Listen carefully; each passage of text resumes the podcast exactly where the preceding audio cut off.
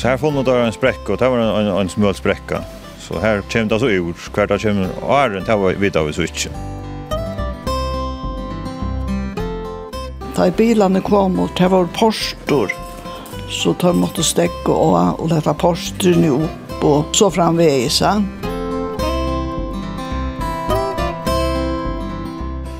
I hästekort i et hål, sier han. Enligt i hælen, blir hål, hål er det her.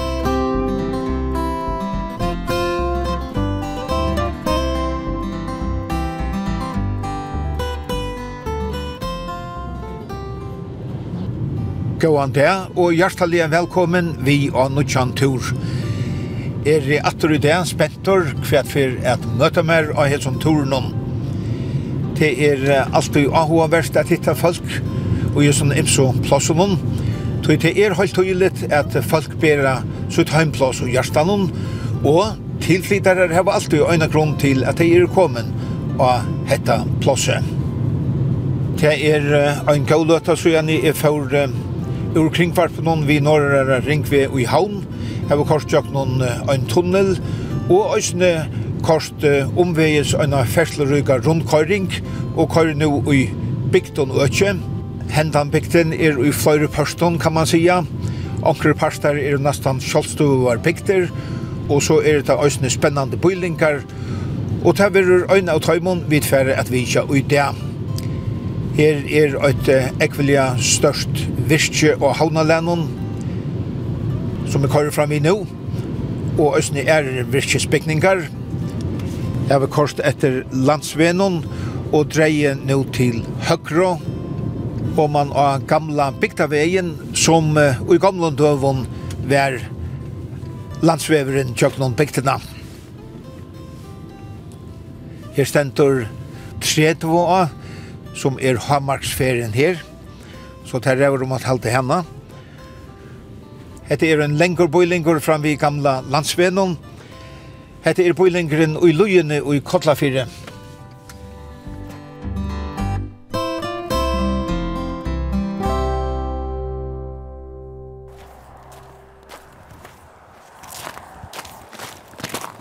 Hver er han høyta kjeltan er det? dricka nu. Det er 20 grader för det som kommer inn til mig. Hette er ganske en en 60 grad, 65 grad. Den som her. Esmar Petersen, her er en tjukk blå slanka, og her renner vattnet ur, og hette er høyt vatten i løyene. Ja, det er høyt av vattnet, ja. Vi har da sin rom da ta, og du skulle fære pitcha, og hva sier du da nå, kinkje, så gjerne, er det nek som kom og gakk nå i dette høyda vattnet? Det skulle jo akkurat prosjekt være, men det har man ikke om. Så ikke tøtselet er, er hent vi tog i akkurat nå. Så nu er det flere som har båret. Nå har vi ned på en jontor og et hus om man fyrir her. Her er øyne båret. Det er øyne i høyt vattnet. Lukka høyt som er her. Hvordan kommer man til å anta? Altså, er det en kjelta, eller hva er det da? Ja, det er en, en sprekka nere i 120 meter. Det har där som man säger kan då. Och kort kamera nyer och mata og jag får inte gjort det. Det var en, en, en smöl spräcka. Så här kom det så ur. Kvarta kom åren, det var vid av så switch. Ta höjda vatten så det kom till så henne och till något. Ja, as jag mer där tjejer 20 grader, tjejer 20 kommer öjna matta da. Så att jag kommer in. Og jeg cirkulerar det så rundt i i direkt direkte og så för det ut att det är ju hålla att hitta så pass rätt. Så det är bönlös bergvärme. Här är inte varma växlar i mitten. Och här renner det olja ord Det ser ut för mig som att det till flöjor som kom till gagna ut detta. Ja, så ta det akkurat var våra. Ta det runt och tre tog och byck om tojman. Och vi, vi gav om tryck. Det har varit tvärsåra slanker. Det så sprenner nu då. Och är det någon mätning om gosse nekv konto brukt detta vattnet? ja, vi har stått som 200 hus eller klart, så det er det aller helst, ja. Det kostar ju en större tanka och, och så försvinna det vi gör ut efter. Jag var snygg hus i Lojen här, men så det är ödlen för en försvinna allt det Så det är allt sparst, man säger det här. Kronar och borra, alltså för, för gärna idag. Det är ju en gav ulova, ja. Hvor heldur du åtti at uh, ser fyrir at vattnet blei gagnut Det kunde ganska väl kommunen som vi omkring fälla i. Det är näck näck så man säger som bjaua hita till hus och så där kunde just också system som så där blev gott nu så Nu nu har folk boja vi har ganska borra och då tiva så skulda i färra borra eller chimna kan vi just ner då. Så ja, men nu har vi hört att det är fler som färra borra här i för. Nu var det så mycket längst sedan det blev borra, en fem år sedan som är. Så det är ju tog jag boja tills ner. Nei, det tror man det ikke. Tekkar hus er nødt, og her er noen andre nødt hus. Er dette en utsikking som vi kjørt her? Nei, det er faktisk vår trutcher her som, som kjøpte gjør fra en kommende mann i Erna, akkurat fjæren. Vi kjøpte, man sier, et stykke parst, så vi samlet oss samman och man säger, jag stykket det ju själv. Så det är inte kommunalt. Og veveren inn til oss er også, altså privater, eller så. Det är gröna chilien. Jag hade jag vet som om vi alltid var grön för till det var högt där uppe i lojen. Ta bara kalla gröna chil. Ända nej Ja. Och är den grönare än runt om? Alltså det är grönare uppe i lojen här, alltså uppe i fjällen. Här är det helt grönt. Här här är det skön kälta. alltså. I mine jaffan just dørsforskjellige kanninger. Jeg har någon här uppe i løyen Och malt målt, man ser om vetren att det var höjtare i sommeren av avnån enn det borde være. Og det er nå høyt til at altså, hitta alle husene opp? Vi. Ja, ja, det er, altså, og det er kallt av vekkene, og er det kanskje så kaldt, og er det var sjokk, vi tar høyt på loftet, synes det er vinter, ta halvt det løs synder. Men uh, tjattlarna er ikke problem, her er nå høyt. Ja, og det er så han kan brenne i ovnen til Ja, vi tar en, en, en sånn biopais og træt og ta det ordla kallt så tändrar vi till. Så det det månar kött. Det ska bara lucka allt som man ser. Komma flöj alltså. Så helt rätt. Stabilt. Jag har flöj göra så mycket. Det tror jag att jag går ut alltså så ut. Och det är framvis aktuellt. Ja ja, nu var vankligt bara man sojpa fram vi här. Så var det så att det var bara kanske bara shape på en krampott som eller så. Och lyger görs då. Och så kommer att renna bara i att ha höjda vattnet och, och renner så bara i vår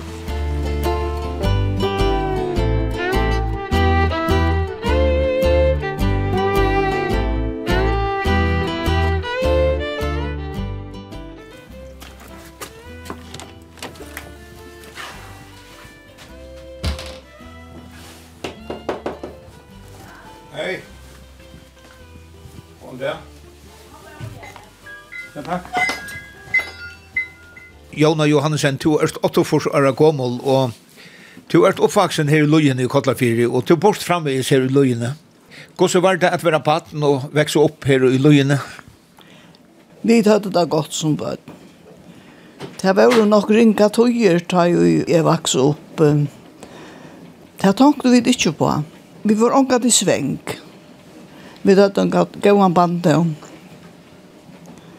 Jeg har jo nå trutjar era systrar som var eldre enn jeg. Så åtte vi et øyn bodja. Han var tvei år yngre enn jeg. Og så fikk vi et øyn fyr. Fikk vi til slott, øyn av systor. Papi var sjø med vår, og han var alltid bostor. Så det rådde jo om at kom han som best på jordet som er forskjellige. Vi spalte ute som underbøten. Og jeg halte jeg vidt høyde det bare godt Og en om og en appa høtte vi her i namende. Jeg var grulig å lære for appa min. Platt jeg gikk inn til han, vita hva det heter her vær som han fikk svi. Da han fikk seg en, en hovedskekvar. Og så da hovedskekven var blivende. Og i øvleie så klosset han der. Og jeg spurte, og jeg spurte. Og jeg minnes da, Abbe var grulig, han var ikke nekk for år. Du, jeg vet ikke, vi spalte ute i somrene, vi spalte i bønnen, vi rundt om tøyene her. Jeg var jo flere bøten, men var jo bygdene så lengt, det var lengt i midten husene, ja. Vi spalte også nekk ned i fjørene, da øyte vi av det av vattnet. Vi gikk og lukket inn i Holman, og gjør noen fjørene og av vassa i fjørene. Det var jo ekvelig interessant, det gav jo somrene, ja. Var han ikke kajkommen her inne i Nei. Vi fire det til vår bad. Nei, nei. Ongen kai. Og da vi bygde her inne i Aldrush, da ble det sagt at det var ikke akkurat tog, at det kom noen kai ut her. Men det gav så ikke noe. Det er som ikke lengt så gjerne at inn etter hentet veien var, var køyrevever, men da bilene kom og så, det var postor, så tar måtte stekke og, og lette porsterne opp og, og så framvegis. Og i mine baden er hun 80 bil her. Det var kjeitene, tøy høyt og bil. Og, og ja, Karl Jensen, forretningsmæver du kjeik. Postbaten, han kom av kajen her ute, nede fra kyrkene. Så kunne man råkna ved at onkel biler kom. Ta jo i, nu veveren kom til Vestmannar, til jeg var i fjørsnåna. 46, 48. Og ta var sjåvande bygdaveveren her i Løyene, ta var til landsveveren, ja? Ja, ja, det var landsveveren. Men de eldre togene, ta var jo, det er snakk om at det, at det var postor fyre her og her, ja. For eksempel her nere, her var det postor. Kan minnes det at Abba Bojtmoen, han er i Trønne her inne. Han la i mest til at onker kom og la postor opp Det var onkel med av Rosse, ja. Og så får han forboi og Porsche til stå, ja. Og så får han til han og sier vi han til, du lett ikke Porsche igjen. Så sier Hesner, jeg glemte det. Og sier pappa, ikke, ikke glemte du har lett det opp. Man tenkte ikke nek vi i det. Småbøttene så små, de var så får de fremkalt for at det er litt torv. Vi kunde för exempel färra fram här tøym og døvra som var här framme och, og skårtorv. Det har det till. Det var, vi följde det var så lengt. Men her var gott av er. Måste jeg er jo nødt ju böten. Og jeg er så heldig at Ødbygg var i førjen. Jeg får en egg vidtjen. Og tøyen, hun ble for kort. Jo. Jeg følte det som tøyen ble for kort, til tross for at jeg er i åtte forsvar. Kunde så grubbelig enn jeg eh, huksa meg møyr. Hvordan tar han? Jeg sitter og spekulerer på at jeg som ikke gjør det. Ja? Hva eh, åtte du har haft gjort? Jeg kunde haft eh, arbeid møyr, lise møyr, finnes møyr vi, vi, vi, vi, vi, vi, vi, ja, Men det er fjord.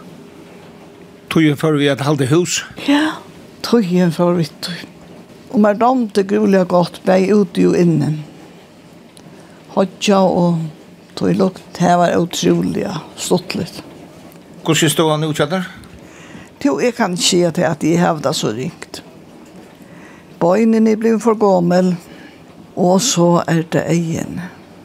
Men de er alltid så forferdelig godt å lese. Ja Og så fallet jeg bort. Men tog betur vi kunne lusta. Vi kunne lusta etter Taura, for eksempel. Ta i han har vært her og der. Jeg lusta i et utvarten atlan det her hjemme.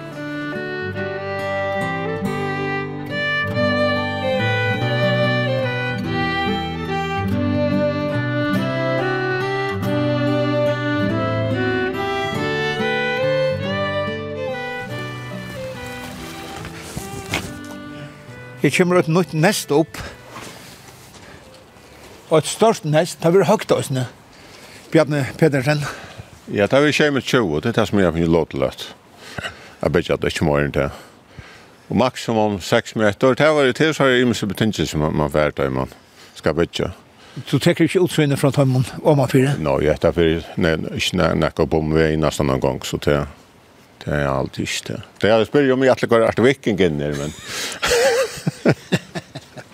ja, nu er det kjipar ju Arctic Viking så men det är inte något ord om också.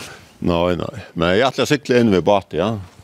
Så han ska flota in här? Ja, jag är inspirerad av, av alla som nästan som man säger här som vi landa i, i norra. Här är det näst atlan vägen kvart og sikler inn, och ja. Og så har de löjliga til ja og så vatten nästan och så färdat det, ja. Men alltså det första som vi gör nu, det är att göra en svimjelen ju. Lätta höjta vattnet än i nöjer så kunne bøttene svømme inn i, i høyde vattnet. 20 grad.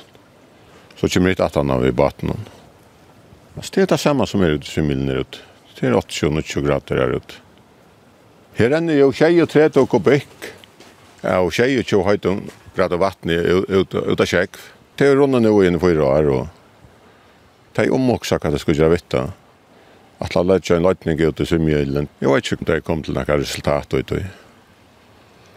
Så tid boja framvis? Vi boja bara, ja. Ta kallt och stilt det så ryker det helt ut av fjörden. Hvor er det som skal uh, takke stig til å bruke vattnet? Det må være bøyre i, ja.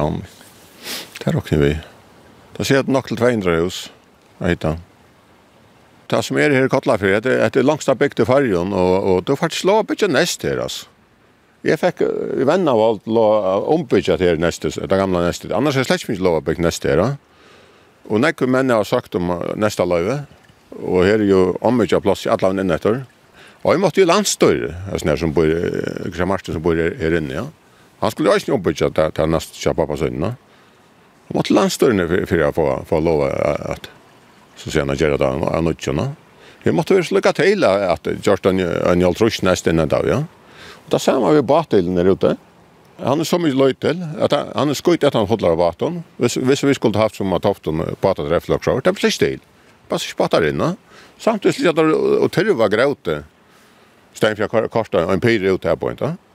Problemet er at tyrva det er ångstas i andra delar kan inte köra det.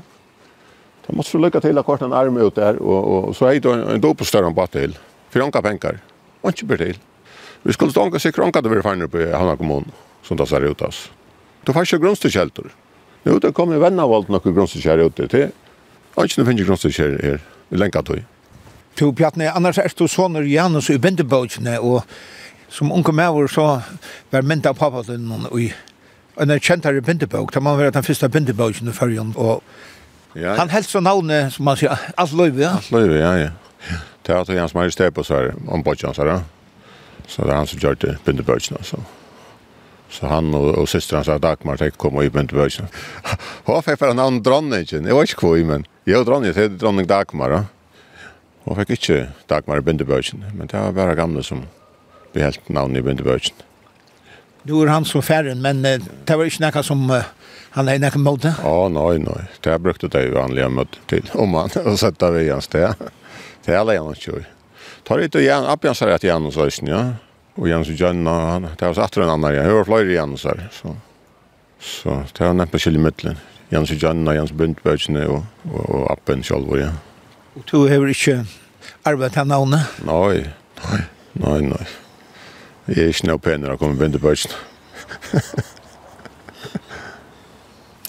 Ja, ja, en uh, kaltur gaur vetradaur. Ja, ja. Det är väl gott att sitta uppe her. Det är väl livet och njöta utsikterna. Hela tvär havkastla och bort här och gör. Bort, som man säger, i skottsmalla. det här är inte sitt lunch här, där jag var som har drunkor. Ta för mig över huset och där så en havkast. Nu ser jag där som man säger, ingen hickar till det. Så bisse mentanen er brøtt i førjen? Ja, ja. Jeg sa det avner at jeg aldri så mye her hvis det var for det døgn. Det ble alt skott Jeg kom i nærhøyden. Og mamma og Petra som bor i svarte husene, gamle gamla husen oppe, uppe. Ja. Hon, hon var så øyla gasslig, hun var fra Tjeck. Så innan för att jag sett gatt ned på ja. Och då brukte jag kaupa kujkar till att bøy, ja. Og och var så frost av kjellnon, lite frost. Och så frost lag natta i møtes i bojen. Tar helt helt det var fanen som att jag kom på lanta. var han för bärsarna och man i fjörna tar det hon skulle säga att er det fan, så dreper jeg han ikke. og gav i alt. ja, og Kibikjadar Artig Kvikking kommer uh, inn i Uslande nå første dagen, skilje Lennon, og så fer tid i Urator. Ja, vi fer i Urator mandagen og fer etter til Eskran til Munch. Så langt snakker av hva er.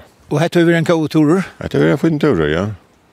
Det er alle jo ansammatler, og en av seg kjøper i Eskran til som Så nu vet jag inte hur det är, hvis hvis flyger köper det är, så så är det nog inte värre så näck i parstlatlar men men det vet man inte men det ser går det ut som att att regnar kommer kommer att det är det det det är stein det där nu det så stort nu gör ni dock short. Men är så Grönland är tiltige ringt farvatna. Ja, ja, ja, det er forhørdelig ringt farvatna. Helt forhørdelig ringt. Det er stormer her gång til oss. Og det er ordentlig stormer oss det som hjelper på Eskilstad är man kan fiska det er at øyser er, då. Så fart det tross alt le tar han landerinkor. Ja, nu han är av 50 av tøyen. Til dem som gjør var det slett ikke nøyser her, og før var det vært helt rønnsen alltid. Men ja, så er det nekker øyser, faktisk. Men han hadde fermet rønt der selv om, da vi har låta landet ikke. Arngrun Petersen, tog første turer til Kips, var av vanlige drikkvår og gosser ferien til Øslands. Yeah. Gosser vært han turen?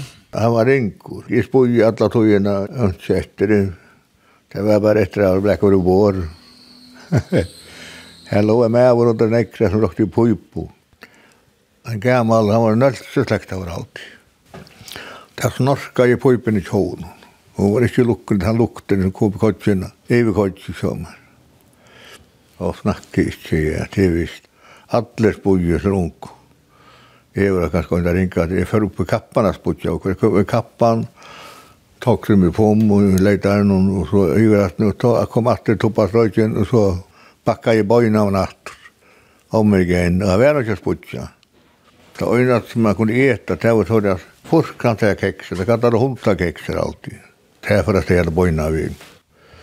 Det var helten av unge ungkommene.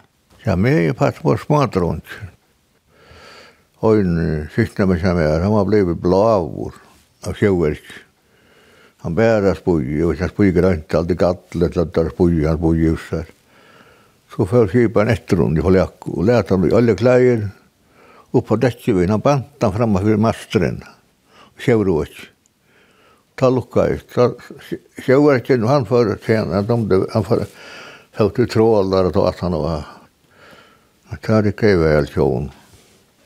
Hva var det for skip? Fakranis. Han var en hollandsk lopp. Janskip var det.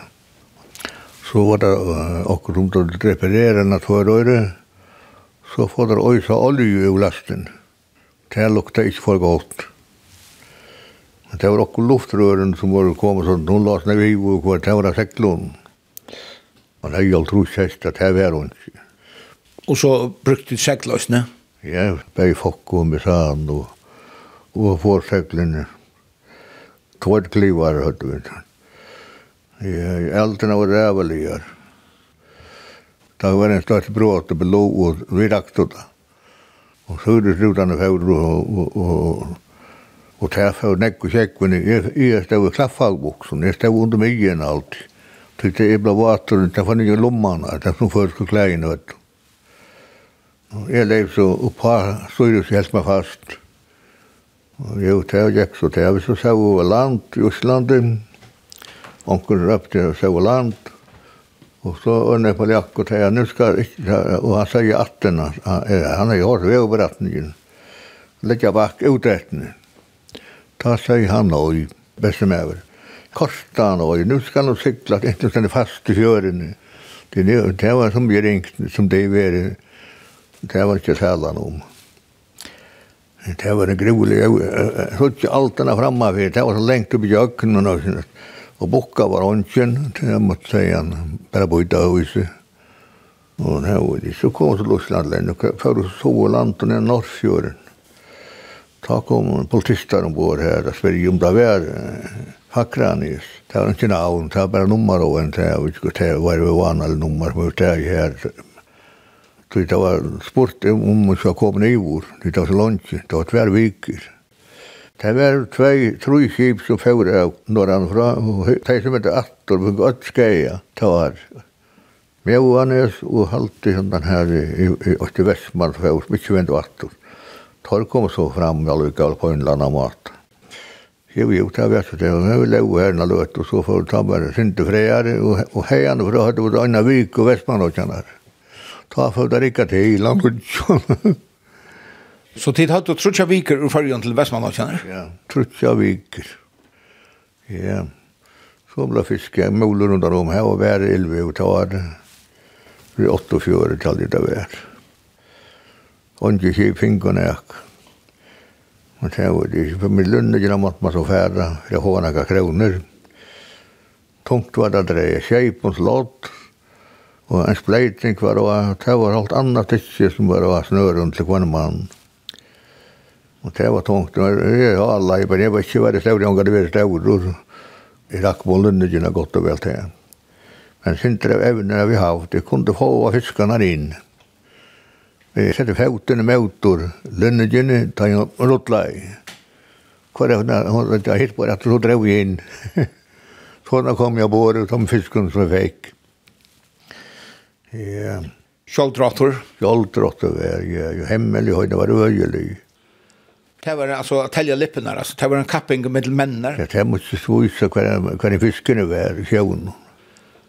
Det første togene vi begynte på å lure och det var det att jag med over hovene fiske, fisk.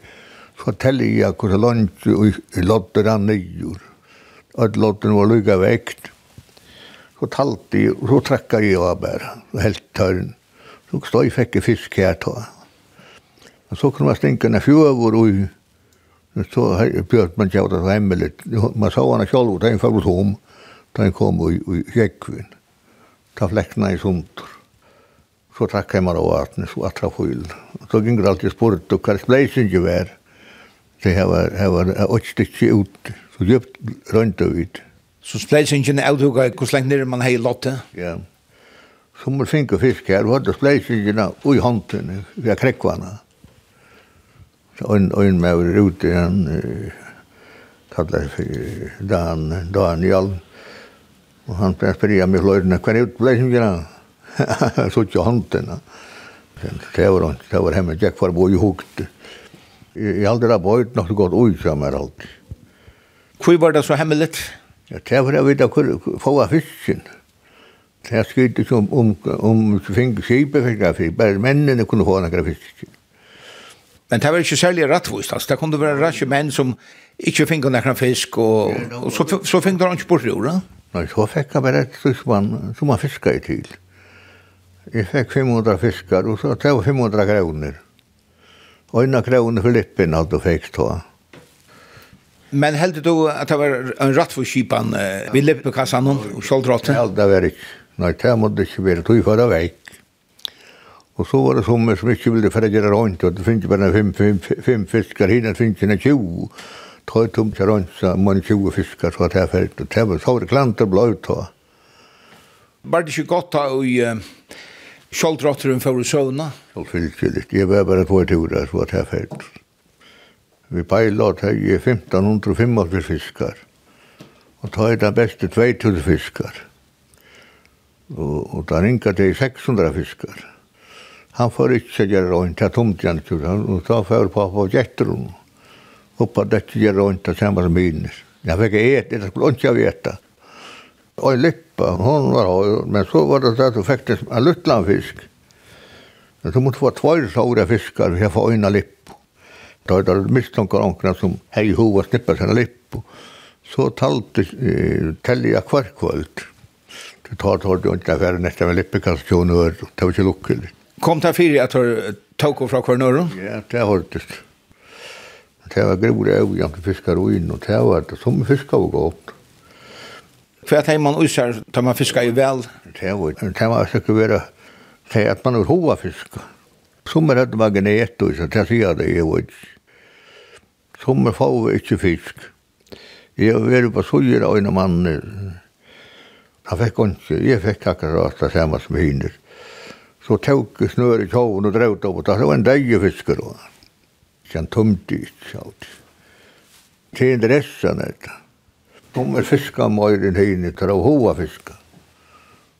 Ja, da fiskar vi damer fyrir, det sier papen at oi med så jeg han kunne fære i dam men vi finkle hånden da sa hekk oi en fisk kunne finkle men så kom en annan kom og ta for fisken og svær bare for voj så nek er magnet det er det er ikke giva stod vi aldri finkle 105 fotskip og det var ikke nek men ikke var det ringat så skulle det så landet det var pape han skulle det så vi pilot. Ja, så Chalmers og så mangt att det man och testar vi det smörjer. Anna måste jag meldte mig till lösen till Johan och så kom å bara vi så är för at det du vet at det finnes motor allt.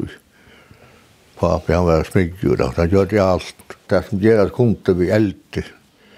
Ta var gå på Esteland och ta, ta var bättre, bättre vevor och allt det. Så självt om du var tänker i sjåark och det var första turen så fick du inte skräck för sjånen? Du vil ikke kjøpe meg over siden, ne? Ja, for hunden ikke.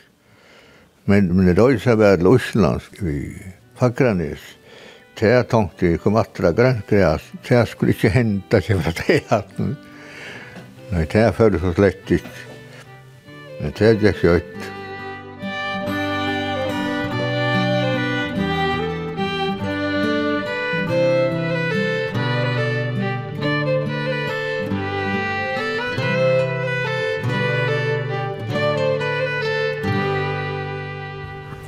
Det stender på postkassan Elsa og Terje Davidsen.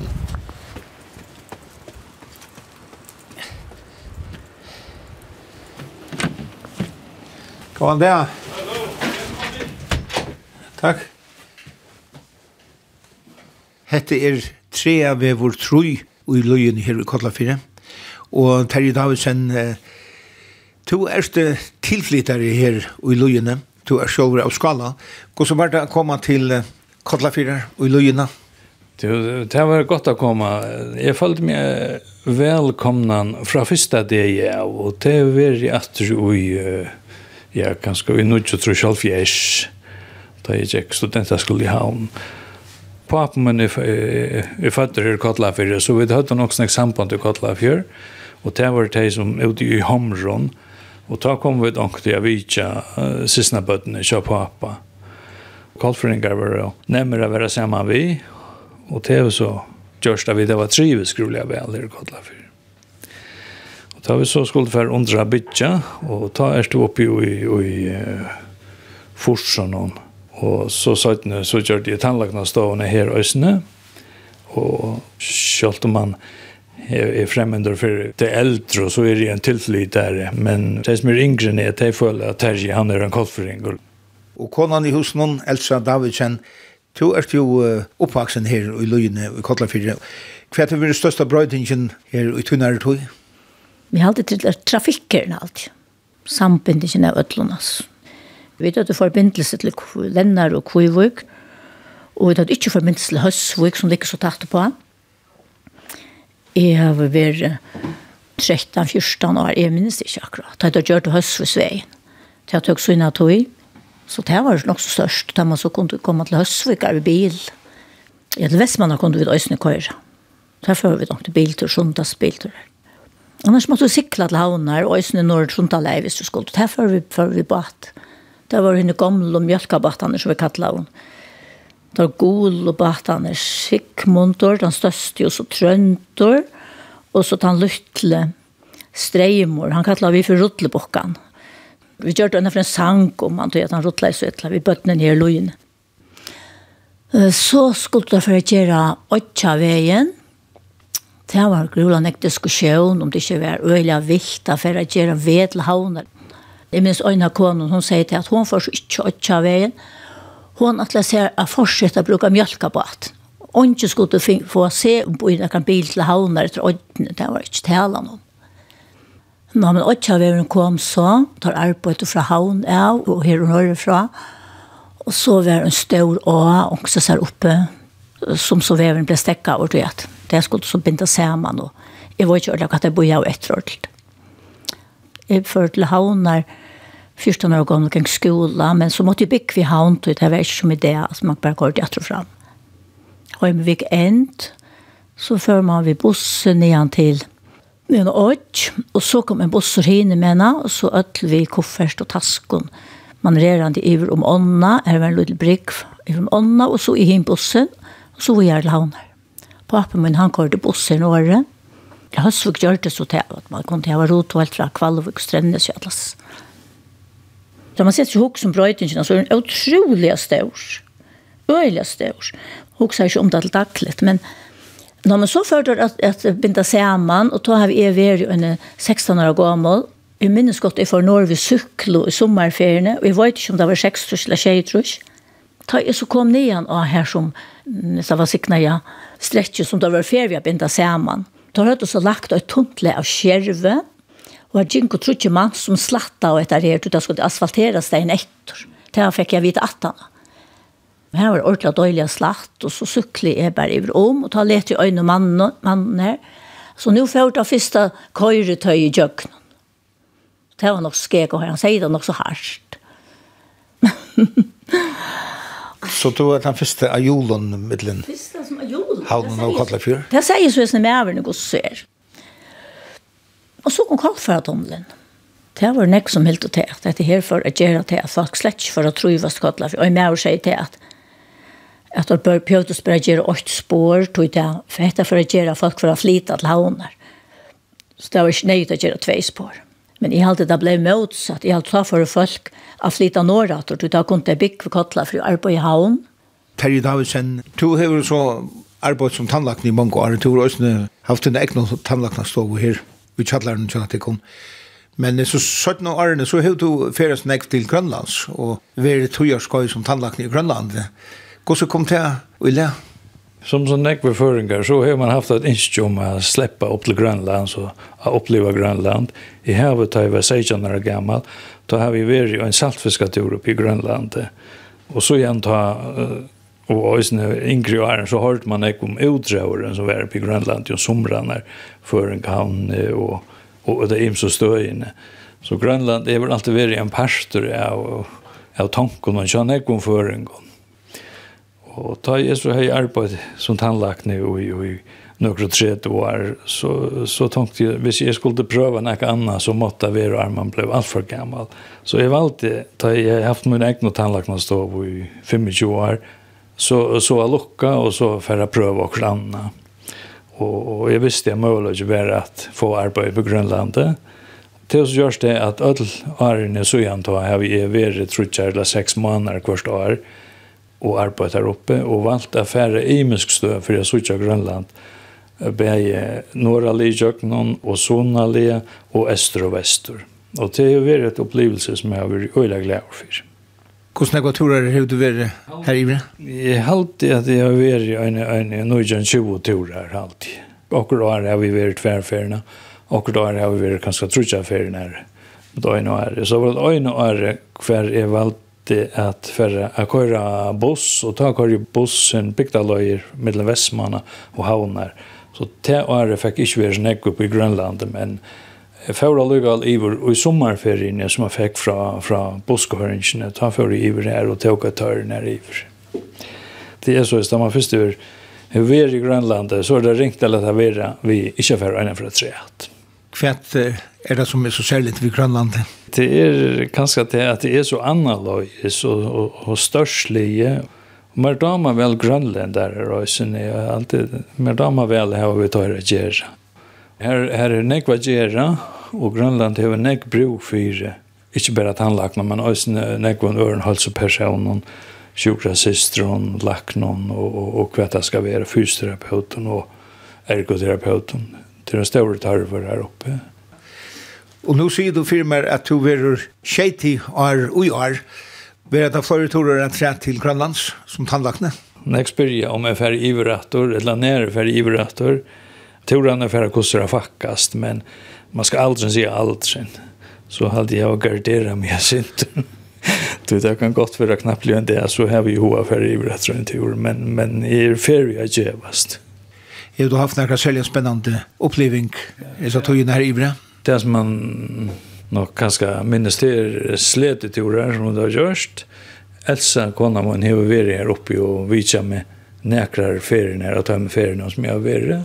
Och ta har vi gjort omkring sletet i år som har av vår av turistforøyningen, mellom annet i Lulesat, ta kører man nekra tøymer inn i landet, vi hundasled, og det er særlig fornemst, han frier inn og, og til miljøet av er hundasled. Det er vi også drønt, til, er altså, til tror jeg lest alt, ja?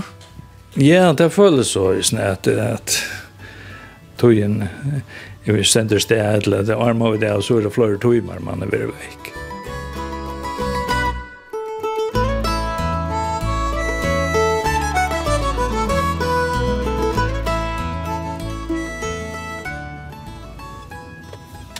nummer 24 er her, og i Løyen i Kodla 4.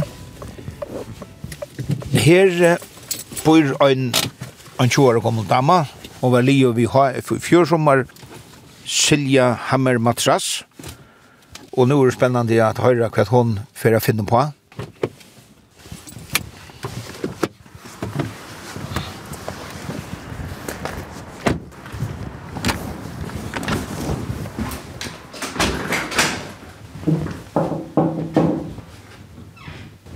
Wow. Hej. Kan sitta över bra? Fjant gott. Ja. Du sitter här och filosoferar. Ja, ja, ja. Du sagt om man har även där här. Ja. Stått om man har käk. Det är det. Silja, kvärt först og tydna kan vi. Eh för tydna arbetar til pelagic men til ikke arbeid på nå, så nu söker om nytt arbeid. arbete. Alltså alltid Pelagic-sesongarbeid, så er det så jeg stå uppe nå til sesongen er kött for en i sommaren For. Så nå blir jeg oppringt ångte om man kommer til lära oss. Så nå er det bare bara sen det röna för något som er mer støvått. Nu er du 20 år gammel. Hva får til unko i kottla fyrir tøyuna kan vi? Altså, de fleste spør flåbølt og håndbølt, sjålger ikke. Så vanlig så får jeg bare tøyuna kenka vi arbeid, etter at jeg gikk skolen, så var det ved skolen. Men nu tar jeg selv her nækka, så så jag jeg selv nækka særlig. jeg er jo hjemme for det bästa. Eller för jag var veldig dømes i havn ved siste minne, att landa in. Det hon skulle til Ørende. Annars för jeg ned Mosson, som här. Spel vi han. her bor jeg til Bigva, bor alle familjen som her. Så tar jeg vokser opp, så bor jeg omma på en synne tjokken. Så tar hun døye, så flotte søsna på kommer inn vi kone og bøttene. Og vi var her, her bor mamma bare vi kone og bøttene. Og henne mener, begøyst for mamma bare vi kone og bøttene. Og hvis man går tror jeg noe så bor søsne min her, vi skjer ikke noen og masse og noen. Så det er, ja, alle familien er bøtt rundt om. Som er som er mega dølt, har man vokst opp, så er man, altså flere søsne på bøttene er ikke skummet inn. Så kunne vi dølt, så spela sammen så så nekva av tøymon som byggva her lojen i er familie? Ja, och sen säger att mamma och pappa blev gift, så blev vi Øysten familie vi, Alltså resten av grannaland, jag tjøkken pappa så så. Så öll i familj på nu. og er det godt? Ja, det är det dåligt. Så tar, tar det som föngar det lock så har man om så folk att det kanske förfänga det så länge veck eller lock short. Chock och så där bara för syna så det man får in och ta man vill och ta man vill det är som man näka ska på ett fast eller näka det är det dåligt så vi har sådär större familjer så till allt funkar det så tar samman nästan kan annars det ofta det är snurrigt dåligt Ja, og du sier at att ungdomar och kottlar spiller uh, flåpalt og handpalt altså. Det är det som samler til unge? Ja, det er 100% det. Til at uh, här i kottlar så er det gentis på flåpalt og dröntis på handpalt. Og det här vi är som inntil till sista Så det är liksom här man ser alla vinkunnar tror jag för vikna och så är man dödsledist och så där. Så det är liksom mega dödligt. Det 100% liksom gott för det, liksom fällskapen. Och tar man på lujen här och i kallar för som har som en ordentlig kall för ingår. Det är man. 100%. ja. Alltså jag Jack HF nu blev färdig i sommaren. Tar vecka ofta hvis jeg tar seg, så fikk jeg ofte kommentarer på oj satt jag og slett». så. altså, jeg, altså, jeg husker ikke ofte, men ombarst. så så er det ganske annerledes dialekt men är vi ongat lagt mest. Så med talet John folk mest. Tar man det ikke til vel? Jo, det er helt fint. altså, det er ikke ju ikke. Fjøren, hun er, jeg vet ikke, inte, touchmästare fra Lagsjord. Så det var omgående, alltså man får ring. Men, altså, jeg har alltid helt att innan alltså föräldern kommer kan det vara sån jag ska säga hörde mamma eller så att jag kan inte ta namn över hela benchen så vi för oss ut vi kommer på att så där mer vi där vi höll lite för något kommer på att jag stod direkt va Alltså en grund till att jag vill gärna ha ett fulltidsstarv till så att jag kan samla pengar samman till att få fjacka nästa år. Jag var en tur på tusen månader nu i, alltså med häst Ta varje i Europa inte Interrail. Men jeg alt mer langere ut i verden, så jeg alt mer til Asia. Eller jeg vil alle stedene, men Asia er primært, her som er alt mer, og Australia. Så det er alt mer cirka om ett år. Februar nästa år också, alt mer sted. Jeg vil se mynter og video og alt for det vi folk er ferne.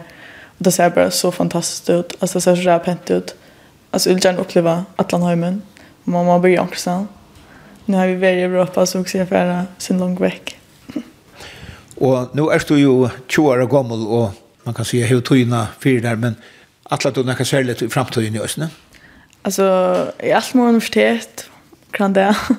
Uh, jeg vet ikke når, jeg vet helst hva jeg alt må lese, og jeg vet helst hver jeg alt må i verden å lese. Så jeg også vet at vi har ferie stående, så kan jeg finne noe sted som jeg trives godt, og for å lese her ganske. Og finne det og hva du skal lese? Ja, også det. Jeg husker det etter vi har ferdes rundt, Jag kan också gjøre meg en bedre homing i kvart jag vill köra. Alltså jag skiftar mig in i kvart. alltså om du så vill läsa också innanför business och om du vill läsa också innanför som socialrådgivare och så är det alltid också. Alltså jag har en ting som är väl tumma. Så jag också att vi ser jag ska lära, lära mig bäst, själva bäst att känna så ganska finna jag också. ja men Silja, gå ett när vi tog Takk for det. Arnkrum, tid flott og inn i hese husene, ta var det nødt, og i nødt han hundru nudj holdt rush, og til første årene hadde tid kikk i kjattlarene. Ja, ja, kikk i kjattlarene, ja.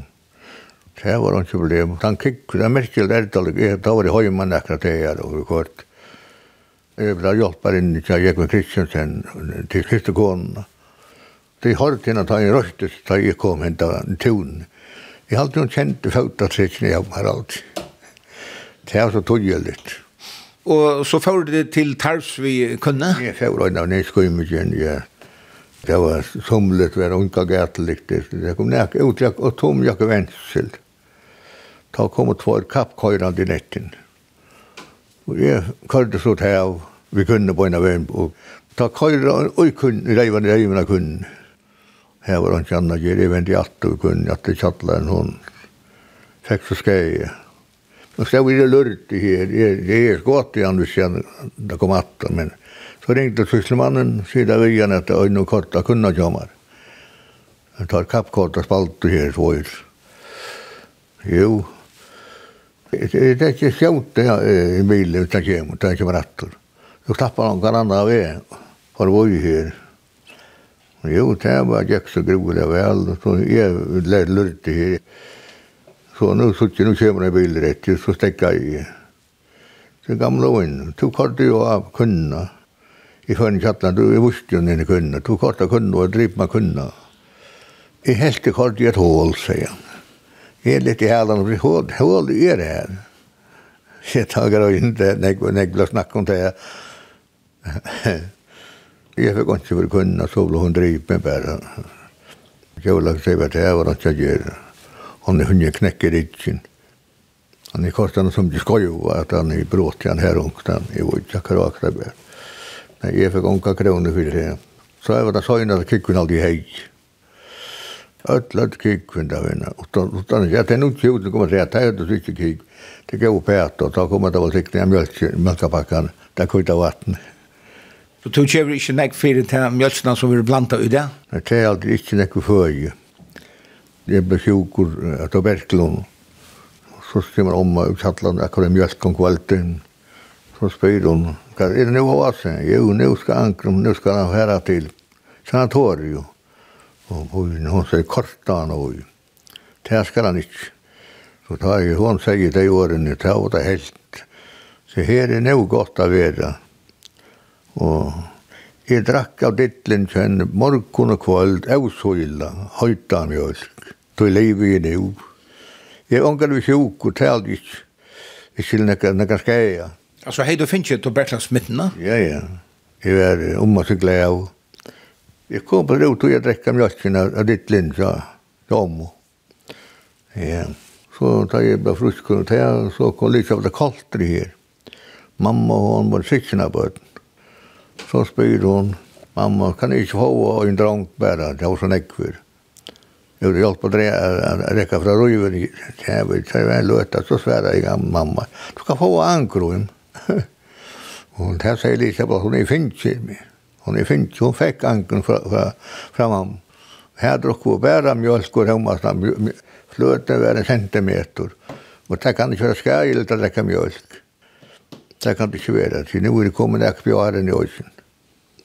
Her er nek brøyt og løyene, så gjerne, til flott og inn her, ja? Det er visst, det er nek brøyt. Ekk er gjerne. Det er nek hus. Når jeg vant denne siktene, han kom til å hvis jeg kom i over her, det er ikke bjør her. Jeg var nekk av siktene på Johan Nøysen. Han sier han kom til hestavåkene ut, og så jeg får ut til sjøen, til mjølk, vi hestavåkene noen. Da sier han, han kunne godt kaste seg vattnet mellom husen, så lengt var det mellom husen, og i våkne. det var jo ikke fyra-fem hus i lugen, ja. Det var det, det gamle husen. Men det var tatt og bygd.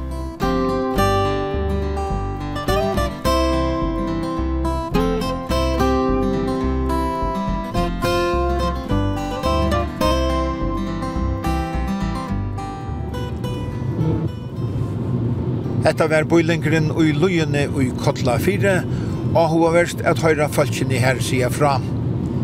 Hesen turen er atur at høyra og i utvarp noen torsdag klokkan 11 og leier det klokkan 4, og tapir øysene til at lusta av heimasugene kjør kringvarp noen, skriva kvf.fo framskak tt. Og turen og i løyene og i Kotla 4 er øysene som podcast vi Tauri, og Tauri hever òsne øyna suju av Facebook. Vi tar oss atter om øyna vikom.